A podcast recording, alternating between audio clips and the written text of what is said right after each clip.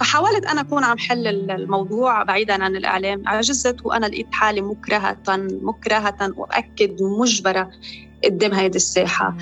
يلي هي ساحة مشروعة هذا مش تبرير نهائيا. أنا إذا بكون عم وضح عم وضح إنه حق بنتي علي إني حيدها أبعدها عن ساحة بعد صغيرة إنها تكون موجودة فيها ولكن هيدي ساحة جدا مشروعة. آه الإعلام هو صوت المظلومين صوت المضطهدين آه وصوت القضايا المحقة. وهيدي قضية محقة لا أخجل ولا أتردد.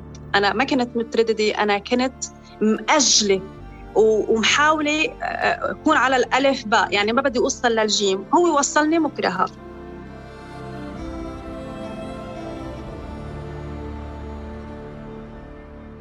هذا كان صوت مريم ياغي.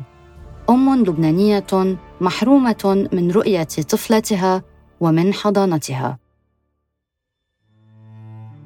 في شهر تشرين الأول أكتوبر 2019 توجهت بادية الوالدة والكاتبة والناشطة.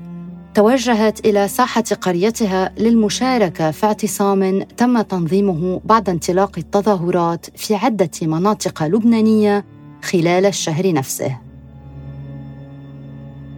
بادية لم ترى ابنها منذ ما يقارب الإحدى عشرة سنة. متحصنة ببعض الأمل حملت ورقة وكتبت عليها بدي شوف ولدي في ساحة قريتها تطغى سرعة تناقل الأخبار على كل شيء فالكل يعرف بعضه. بعد دقائق قليلة أخبرت صبية بادية بأنها رأت ابنها في التظاهرة. تناقل الجميع الخبر مرت دقائق قليلة قبل أن تجد بادية نفسها أمام ابنها. نظرت إليه وأخبرته أنها مشتاقة إليه وأنها تحبه كثيرا. بحسب ما نشرته بادية يومها سارع أحد أقرباء الابن إلى انتزاعه من الساحة حيث بقيت تقف وحدها محاطة بالمتظاهرين. هي ليست المرة الأولى التي نسمع خلالها قصة أم حرمت من طفلها أو من طفلتها. لسنوات طويلة لم يسمح لبادية بالتواصل مع ابنها حتى. لجأت أحيانا للاختباء خلف سور مدرسته كي تستطيع أن تراه لدقائق قليلة من بعيد ونشرت باستمرار من خلال كتاباتها ومنشوراتها على شبكات التواصل نشرت عن صعوبة الحياة وسط كل هذا الحرمان. بين شهري تشرين الأول أكتوبر 2019 ونيسان إبريل 2022 حكايات أمهات تكدست على شبكات التواصل على رفوف المحاكم الجعفرية واحيانا في ملفات القضاة. مريم ياغي صحفية وناشطة لبنانية ممنوعة أيضا من رؤية ابنتها التي انتزعت منها. تعيش الابنة اليوم مع والدها منتظر الزيدي الصحفي والسياسي العراقي داخل العراق. تقول مريم أن لجوءها لشبكات التواصل كان بعد ما يقارب السنتين من بداية مشكلة حضانة ابنتها. بعد أن وصلت كل السبل وحتى الوسيط إلى حائط مسدود مع طليقها الذي رفض منحها الحضانة. عن حرمان الأمهات من حضانة أطفالهن ضيوف اليوم الصحفية مريم ياغي والصحفيه النسوية عليا عواضة. أهلا بكم معكم لونا صفوان.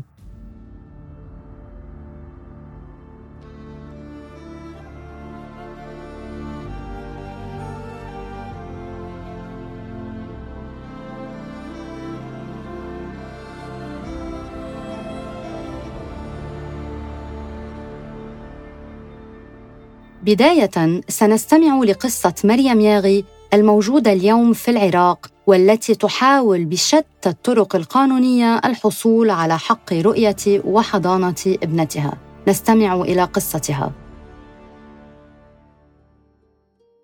أنا تزوجت بلبنان تزوجت بسنة 2012 وكان زواجي تسجل بالمحاكم الجعفرية بطبيعة الحال مثل ما بنعرف نحن قوانين الأحوال الشخصية عنا طائفية وكل واحد بتسجل زواجه بالمحاكم اللي بتخضع له طائفته. فأنا تزوجت وعقدت وتزوجت بالمحكمة الجعفرية. ثبت الزواج. بمجرد ما وقعت مشاكل بيني وبين طليقي أثناء الحياة الزوجية لاحظت إنه في آه، في معركة صاخبة رح تكون يعني. لاحظت إنه في يعني عم بتعامل أنا مع شخص نرجسي فأنا لما كنت عم بتعايش وعم بت آه، عم بحتك بشخص نرجسي كنت عم بكتشف شغلات من الصعب علي أقدر أشرحها للناس اللي مش معاشرين شخص نرجسي إنه يفهموها لأنه هي في خصوصية حتى بعلم النفس في خصوصية للتعاطي مع الشخص النرجسي وفي خصوصية لمقاربة شخصية الشخص النرجسي. فأنا لما كنت آه، بعد بعدني بالحياة الزوجية وقبل ما آه، طلق كنت عارفة إنه أنا ناطرتني مرحلة كتير صعبة لأنه أنا وموجودي معي معه بالبيت كان عم بيوقع بحقي أساليب التلاعب المستمرة هو النرجسي يتخصص ويتفنن بالمانيبوليشن وإنه كيف يتلاعب فيك وكيف يصدر صورة غير صحيحة عنك وكيف حتى أحيانا عن أنت قدام نفسك يصدر لك صورة تصيري أنت تسألي نفسك هل فعلا أنا هيك أو أنا مش هيك؟ فلما آه، أنا كنت بعدني موجودة بالحياة الزوجية كنت ملاحظة إنه أنا فايتة بمعركة كتير صعبة ومش رح تكون هينة. وكان حتى الطلاق تم بطريقة فيها تلاعب. يعني هو يعني آه، أجبرني. ونحن بنعرف عند كل يمكن دائما بتصير هيدي الشغلة بتقول لك المرأة إنه هو كان بده إياني يطلق بس جبرني اني اتنازل عن مؤخري أو جبرني اني اتنازل عن مقدمة حتى. فهو أجبرني رغم إني كنت ألمس إنه هو ما من يدفعني للطلاق بشكل مستمر أجبرني إني أتنازل عن مهري وحتى إني أتنازل عن ذهبي اللي هو مقدم. آه فحتى موضوع الطلاق كان مستمر التلاعب فيه. فنجي نحن نوصل لموضوع الحضانة يلي عندي بالنسبة لي أو بدي أحكي موضوع علاقتي ببنتي قبل ما تكون معركة حضانة. يلي هي كانت بالنسبة لي هيدا الشيء مقدس لا مم يعني من المستحيل مش ممكن ابدا إنه أنا أدخل آه، اضطراباتي بيني وبينه المشاكل اللي بيني وبينه بعلاقتي. مع بنتي أو بعلاقتي مع علاقته هو مع بنته. آه، بالفترة الأولى كل يلي بيعرفني لونا على الصعيد الشخصي واللي كان قريب مني كان يستغرب أنا قديش متساهلة بموضوع أميديا بعلاقتها مع بيا على الرغم من الأذية المستمرة اللي ما كانت توقف ولا يوم. اللي ما كانت توقف ولا يوم. يعني مثلا نحن بنعرف إنه طالما البنت تحت سن السبع سنين هي بحضانة الأم عند الطائفة الشيعية نحن إذا بدنا نحن هون نحكي بقوانين القوانين اللبنانية إذا أنا بدي أكون خاضعة للقوانين اللبنانية. فالبنت كانت بحضانتي وكنت أنا بشكل مستمر أرفض إنه حدا يقول لي حددي أيام محددة للبي إنه يشوف بنته فيها. أو مثلا عملي نظام خاص لأميديا كرمال إنه يعني بحجة إنه يكون نظام خاص تكون يكون نتيجته إنه يكون عم بحرمها هي من بيها. كنت أرفض بشكل مستمر وأقول إنه ما لا مساومة على حاجة الطفل لأمه أو لبيه. فالمشكلة لا مش مش بس أخلاقية. الأخلاق ممكن ممكن يكون في أكيد في مشكلة أخلاقية بس الأخلاق ممكن تتحكم فيها القوانين الموجودة. في حال شخص بده يتمادى وفي حال شخص بده يحصل على امتيازات هيك آه، تسلطية حر هو بده يحصل عليها إذا كان القانون ضابطه ما بيقدر. ما بيقدر يكون عم يتمادى ويظلم ويضطهد آه، وبهيد ويجاهر بهيدي المعصية يجاهر بهيدي آه، بهيدا التسلط وبهيدي الفوقية وهيدي الذكورية إذا القوانين مش داعميته. فنحن أكيد قوانين الأحوال الشخصية على وجه التحديد مسؤولة. أكيد المنظومة الأبوية متكاملة من من ضمن القوانين ومن ضمن الأعراف ومن ضمن السلطة الدينية. كلهم متكاملة عم بيكونوا مسؤولين عن هذه السلوكيات الذكورية المتجذر فيها الفكر السلطوي والمتجذر فيها الفكر الاستبدادي والفوقي اتجاه النساء هلا بطبيعة الحال أنا في شيء يعني في شيء مختلف بقضيتي. إنه أنا آه، بنتي عراقية الجنسية وبتعرفي نحن ما بنمنح الجنسية اللبنانية. هيدي كمان آه، موضوع عدم منح الجنسية له دور بهذا يعني نحن بنعرف ما بنمنح الجنسية فله تأثير على يعني بنتي ما عندها الباسبور اللبناني وممكن الأب يكون عم يتحجج بمكان من الأماكن إنه هي غريبة ببلد غريب ولعب على هذا الوتر بمكان. آه، بس آه، مصادفة أنه قوانين قانون الأحوال الشخصية بالعراق هو قانون أحوال شخصية مدني موحد. أنه حتى تابع موضوع المحكمة ارفع دعوة حضانة أنه يكون حاصلة على إقامة داخل العراق. فهلأ أنا لما جيت لقيت معضلة إضافية أنه أنا حتى أرفع دعوة بدي يكون معي إقامة وهيدي الإقامة منا موجودة. وأنا لحتى أحصل على الإقامة لازم الزوج يكون عم بيوافق على الإقامة هو يعني أحصل الإقامة على اسمه. أنا مطلقة في مادة قانونية بتعطيني الحق إنه أنا أكون آه كوني مطلقة من عراق الجنسية إنه أكون عم بحصل على آه إقامة لمدة سنة. يعني يخول مدير المدير العام بدائرة الإقامات إنه يعطيني إقامة لمدة سنة قابلة للتجديد كوني مطلقة من عراق الجنسية. أنا رح تابع قضية الحضانة داخل العراق على الرغم بأنه آه آه تركت كل شيء وراي جيت على مجتمع طبعا أنا بحترم بحترم هذا المجتمع بحترم أهله شفت كل التضامن فيه شفت كل الاحتضان لقضيتي الاحتواء. بس بطبيعة الحال أنا تركت مجتمع وجيت لهون لأني عندي غاية أسمى اسمها بنتي. انت يلي أنا بشعر بعجز آه، مش طبيعي بعيونها بشوف العجز اللي بعيونها بشوف الضياع اللي بعيونها. وما بقدر ابدا إنه آه، أكون عم بتطلع لبكرة بدون ما أكون هي موجودة بهذا البكرة اللي عندي يعني أنا كثير بسمع بتعرفي نحن بمجتمع أسهل شيء يقولوا لك عيشي حياتك أو بكرة بتكبر وبتكون بترجع لعندك. أنا ما بدي إياها تكبر وترجع لعندي اعتباطيا أو برسم الفطرة إنه الفطرة رجعتها لعندي. لا بدي تعرف إنه عندها أم لاحقتها وتابعتها وما تركتها ولا يوم وتستحق إنه تكون هي عم ترجع لعندها. أنا نفسي ما بعتبر لنفسي ما بعتبر نفسي أستحق إذا ما عملت ما تمليه عليه أمومتي وتابعت آه، قضية بنتي. لشرح خلفيات مشاكل الحضانة في لبنان وفي بعض الأحيان عربيا أيضا ضيفتنا اليوم الصحفية والناشطة النسوية عليا عواضة. تقول عواضة أن موضوع حقوق النساء والفتيات في لبنان مرتبط بشكل مباشر بالمنظومات الاجتماعية والقانونية والدينية. وتشرح لنا أين تكمن الثغرات التي تساهم بحرمان المرأة من حقوقها. أول شيء يعني لما بنكون عم نجاوب على أسئلة آه، خاصة بقضايا النساء أو بحقوق النساء والفتيات بدنا نطلع بالمنظومة القانونية كيف عم تشتغل بمجتمع ما والمنظومة المجتمعية وقد إيه في والمنظومة الدينية وقد إيه في ارتباط بين هول الثلاث منظومات. ولما بقول منظومة قانونية أكيد بعني طبعا التشريع والسلطة السياسية بطبيعة الحال. فقد إيه هول الثلاث منظومات هن متشابكين مع بعضهم قد إيه بتقدري تعرفي قد إيه سهل أو صعب تكوني عم آه تحققي آه أي آه شيء بيساعد النساء على اكتساب حقوقهم أو قد إيه أنت رح يكون التمييز بالمجتمع كثير كبير تجاه النساء والفتيات.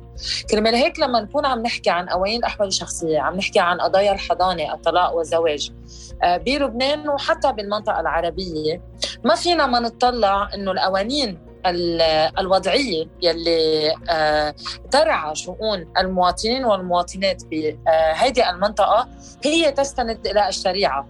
ولما نحكي تستند إلى الشريعة يعني تستند إلى تفسيرات وتستند إلى آه، إذا بد إذا بدك مكتسبات لرجال الدين تستند إلى مطامع لدى السلطة السياسية تستند إلى فساد تستند إلى رؤية المرأة كملكية كملحقة فيها وليس كمواطنة في بلد ما. وبالتالي لما بتطلعي بهيدي القوانين بتلاقي إنه هن عم بكرسوا ثقافة مجتمعية ما. ضد النساء والفتيات عوضا عن إنه القانون هو يكرس الثقافة. يعني اللي بقصده إنه كل قوانيننا يلي ترعى شؤوننا نحن وخصوصا النساء والفتيات بطبيعة الحال هي تستند على الثقافة وليس العكس. يعني بعطي مثل بسيط إذا عم بحكي مثلا عن قانون العقوبات ب آه، ما بعرف بلبنان وفي مثله كثير بالبلدان العربية. في فصل اسمه فصل الاعتداء على العرض والشرف وهو بيتعلق بكل الجرائم يلي آه، من اغتصاب من آه، من اعتداء جنسي من إذا بدك معاشرة قاصر وغيره من الجرائم. فتخيلي إنه هيدا القانون يلي عم بي آه، القانون آه، طبعا مدني بطبيعه الحال يلي عم يرعى شؤوني أنا عندما أكون ضحية. لا هيدا النوع من الجرائم عم يطلع فيها كعرض وشرف وما عم يتطلع فيه كمواطنة. وهيدا وهيدا المشكلة الأساس هون. المشكلة هو الارتباط الوثيق. ما بين المجتمع بثقافته يلي تميز ضد النساء وتعتبرها ملكية للعائلة ما بين السلطة الدينية التي تتمسك بسلطتها وترفض القوانين المدنية للأحوال الشخصية وتحرص على بقاء القوانين الدينية اللي بتكرس سلطتها بطبيعة الحال وتحقق لها مكاسب. مادية ومعنوية بمجتمعاتها المحلية وعلى الصعيد الوطني. والسلطة السياسية يلي هي تغطي السلطة الدينية والسلطة الدينية طبعا عم تغطي السلطة السياسية لأنه في بيناتهم آه، إذا بدك مصالح مشتركة يلي اثنيناتهم بيحرصوا على عدم تكريس آه، قوانين أحوال شخصية تنظر إلى النساء كمواطنات ترعى مصلحة الطفل بالدرجة الأولى في قضايا الحضانة آه، وعندها حصول طلاق. وترعى أيضا حقوق النساء عندها حصول الزواج نفسه. يعني حتى لما نعمل الزواج هيدي القوانين الدينية هي تظلم وتميز ضد النساء. نحن أكثر شيء شو اللي ببين عنا تطلع بالقوانين بنلاقي إنه هيدي القوانين هي تميز ضد النساء بالطلاق بالزواج وبالحضانة. ولكن غالبا ما نحن أغلب القضايا اللي بنسمع فيها هي قضايا الحضانة. وأنا نسمع كثير إنه آه تم مثلا إنه آه لما طلقت ما أخذت شيء من أموالها آه كانت هي بتدفع بالمنزل اشترت المنزل أخذها الزوج لأنه كان مثلا مسجل باسم الزوج وغيره. هو ما كثير بنسمع فين القضايا. نسمع أكثر شيء بقضايا الحضانة لأنه هيدا هو الانتهاك الصارخ لحقوق الطفل وحقوق النساء. وإضافة إلى ذلك ما ينتج عن هذا الموضوع من حرمان للأم من أطفالها وحرمان الأطفال من أمهم هيدا كمان ما في أي مجتمع أو أي إذا بدك آه، ناشط أو ناشطة أو أم أو أو أي إنسان سوي ما يتضامن مع هذه القضايا وما يعلي الصوت آه، عليها. وفي يعني قوانين الأحوال الشخصية هي أكبر دليل وأكبر آه، يعني أكبر واجب لنا إنه نحن نكون عم آه، نعلي الصوت بهيدي آه، بهيدي القضايا. يتفق الكثير من الخبراء والحقوقيين على أن الحل الأساسي لمشكلة حضانة الأطفال يكمن في استحداث قانون مدني للأحوال الشخصية في لبنان. ولبنان بلد يعرف بالزيجات المتنوعة والمختلفة التي تحصل بين طوائف متعددة. إلا أن حق الزواج المدني رسميا في لبنان لا يزال غير مسموح بسبب عدم وجود قانون مدني موحد للأحوال الشخصية. تؤكد عواضه ضرورة استحداث القانون المدني وتشرح أهمية أن يكون التضامن عابرا من دوائر الناشطين والناشطات والمعنيين إلى المجتمع بشكل عام والقانون بشكل خاص. هلا أنا من يعني من وجهة نظري الخاصة آه، في فصل ما بين المجتمع المجتمع نفسه وما بين شبكة إذا بدك التضامن يلي بتكون موجودة.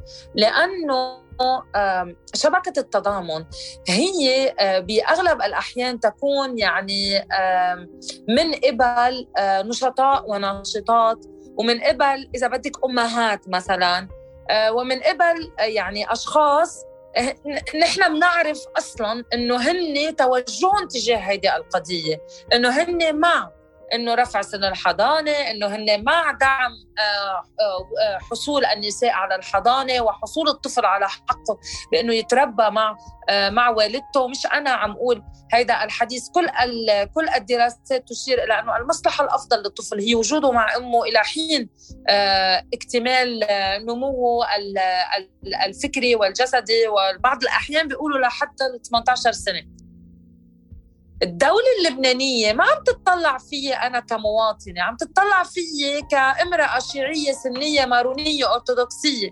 لما بيوصل الموضوع للأحوال الشخصية بترفع إيديها عني وبتقلي روحي تعاملي أنت مع المحاكم. كرمال هيك كتير صعب بكتير من الأحيان أنه نوصل لنتيجة لأنه أنت ما عم تتواجهي مع قانون مدني ما عم تتواجهي مع دولة. أنت عم تتواجهي مع طائفة. لما تتواجهي مع طائفة أي حدا ضمن هيدي الطائفة خارج شبكة التضامن هو ضدك بدك تعتبري هو يقف مع محكمته ضد شبكة التضامن مع هيدي السيدة. أنا بنظري الخاص وبكل يعني هيك موضوعية بقول لك غير بوجود قانون موحد للأحوال الشخصية ينظر إلينا كمواطنات الدولة اللبنانية هي التي ترعى شؤوننا ما بنقدر نحقق الخروقات الكبيرة. الطوائف هي اللي عم ترعى شؤوني. رح ضلني عم أوصل لبلوك وقد ما أتضامن وقد ما يكون في شبكة تضامن كبيرة لما بيكون الموضوع قانوني بده يكون في كتير صعوبة لنحقق نتائج. برجع بقول مش يعني ما عم نحقق نحن عم نحقق كتير نتائج جيدة. ولكن عم نحقق لامرأة أو اثنين. إذا بدنا نطلع بالنساء يلي تن يعني تنضوي تحت هيدي الطوائف هي بالملايين.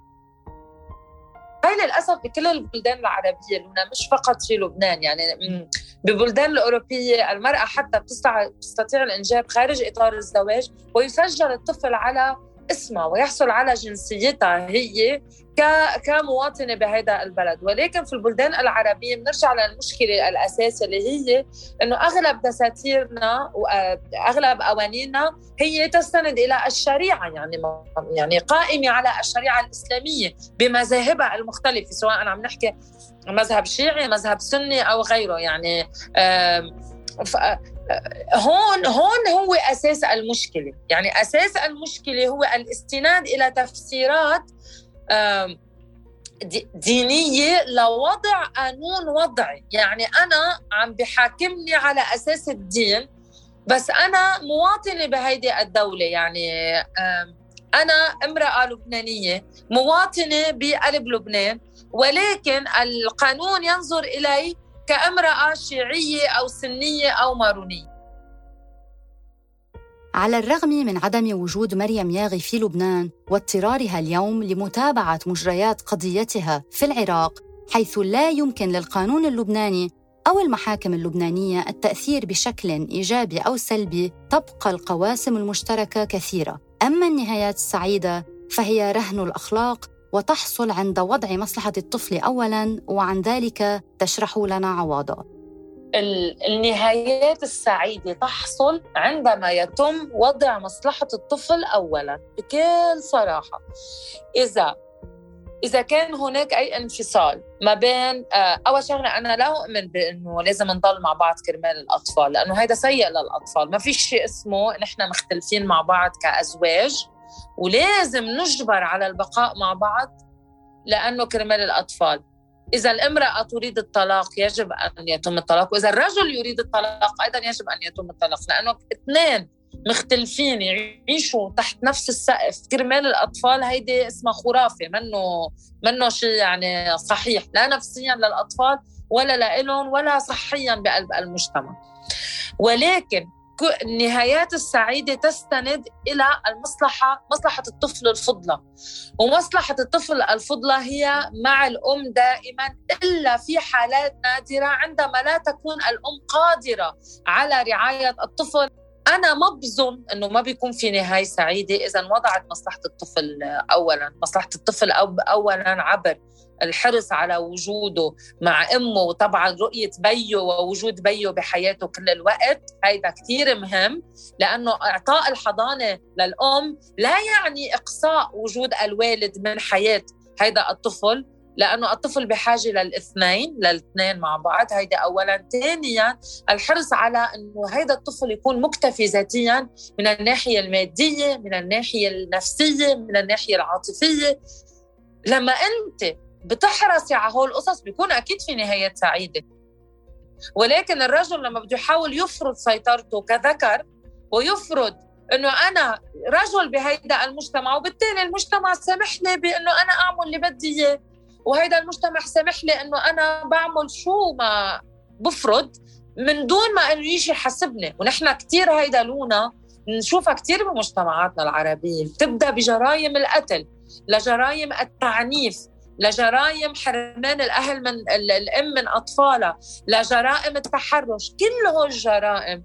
هن بيقوم فيهم الرجل لسبب أساسي هو شعوره بالسلطة والقوة وإنه ما في حدا عم بيرده بالمجتمع عطيه هيدي السلطة وهو عم بيقوم باستخدامها بكل بهالقد هالقد الموضوع بسيط. حضانة الأطفال ومعارك الأمهات في لبنان مستمرة. وأحيانا حتى بعد موتهن. ليليان شعيتو أصيبت في تفجير 4 آب 2020 في بيروت إصابات بليغة. أدخلتها في غيبوبة طويلة. وبعد أشهر من العلاج بدأت ليليان تستجيب واستفاقت من غيبوبتها. المفاجأة التي كانت بانتظارها صدمت المجتمع اللبناني. ليليان بقيت محرومة من رؤية ابنها الذي كان لا يزال رضيعا يوم الانفجار. تقول الصحفية ديانا مقلد في طرحها لقضية ليليان أن محامي العائلة ضد ليليان هو علي رحال وهو قيادي في حركة أمل ومحامي رندا نبيه بري زوجة رئيس البرلمان اللبناني. هذه المعطيات في لبنان توحي بالكثير من السطوة والنفوذ الذي لا طاقة لعائلة ليليان البسيطة ولا لليليان نفسها القابعة حاليا في المستشفى على مواجهته. وهنا تسأل مقلد ما إن لعب النفوذ دوره في الضغط على المحكمة الجعفرية وعلى قضية ليليان عموماً. وعلى المقلب الثاني قصة نادين جوني الناشطة والصحفية النسوية التي توفيت بحادث سير في تشرين الأول أكتوبر 2019 قبل وفاتها عانت جوني لسنوات من حق حضانة ابنها حيث ثابر الأب وعائلته على حرمان الأم من تمضية ما يكفي من الوقت مع ابنها. توفيت نادين وبقيت قضيتها عالقة في المحاكم الجعفرية. ليصل الأمر اليوم إلى حائط مسدود. حتى بعد وفاتها وبعد الضغوطات المستمرة أعلنت عائلة طليقها أن ابنها لا يرغب بقضاء وقت مع عائلة الراحلة. وهكذا تكون قد قتلت نادين مرتين. قضايا أخلاقية قانونية وإنسانية لا يمكن فصلها عن بعضها تسبب اليوم مآس نفسية كثيرة للطفل. والخاسر الأكبر والوحيد فيها هو الطفل نفسه. فالأطفال يرون ويسمعون ويفهمون وغالبا ما يحملون معهم عبء الطفولة لسنوات. السؤال يبقى أما حان الوقت اليوم لتبدية مصلحة وسعادة وراحة الطفل النفسية على خيارات أهله؟ شكرا لاستماعكم لحلقة اليوم من بودكاست 20 دقيقة. كنت معكم لونا صفوان. شكرا لكم وإلى اللقاء مجددا.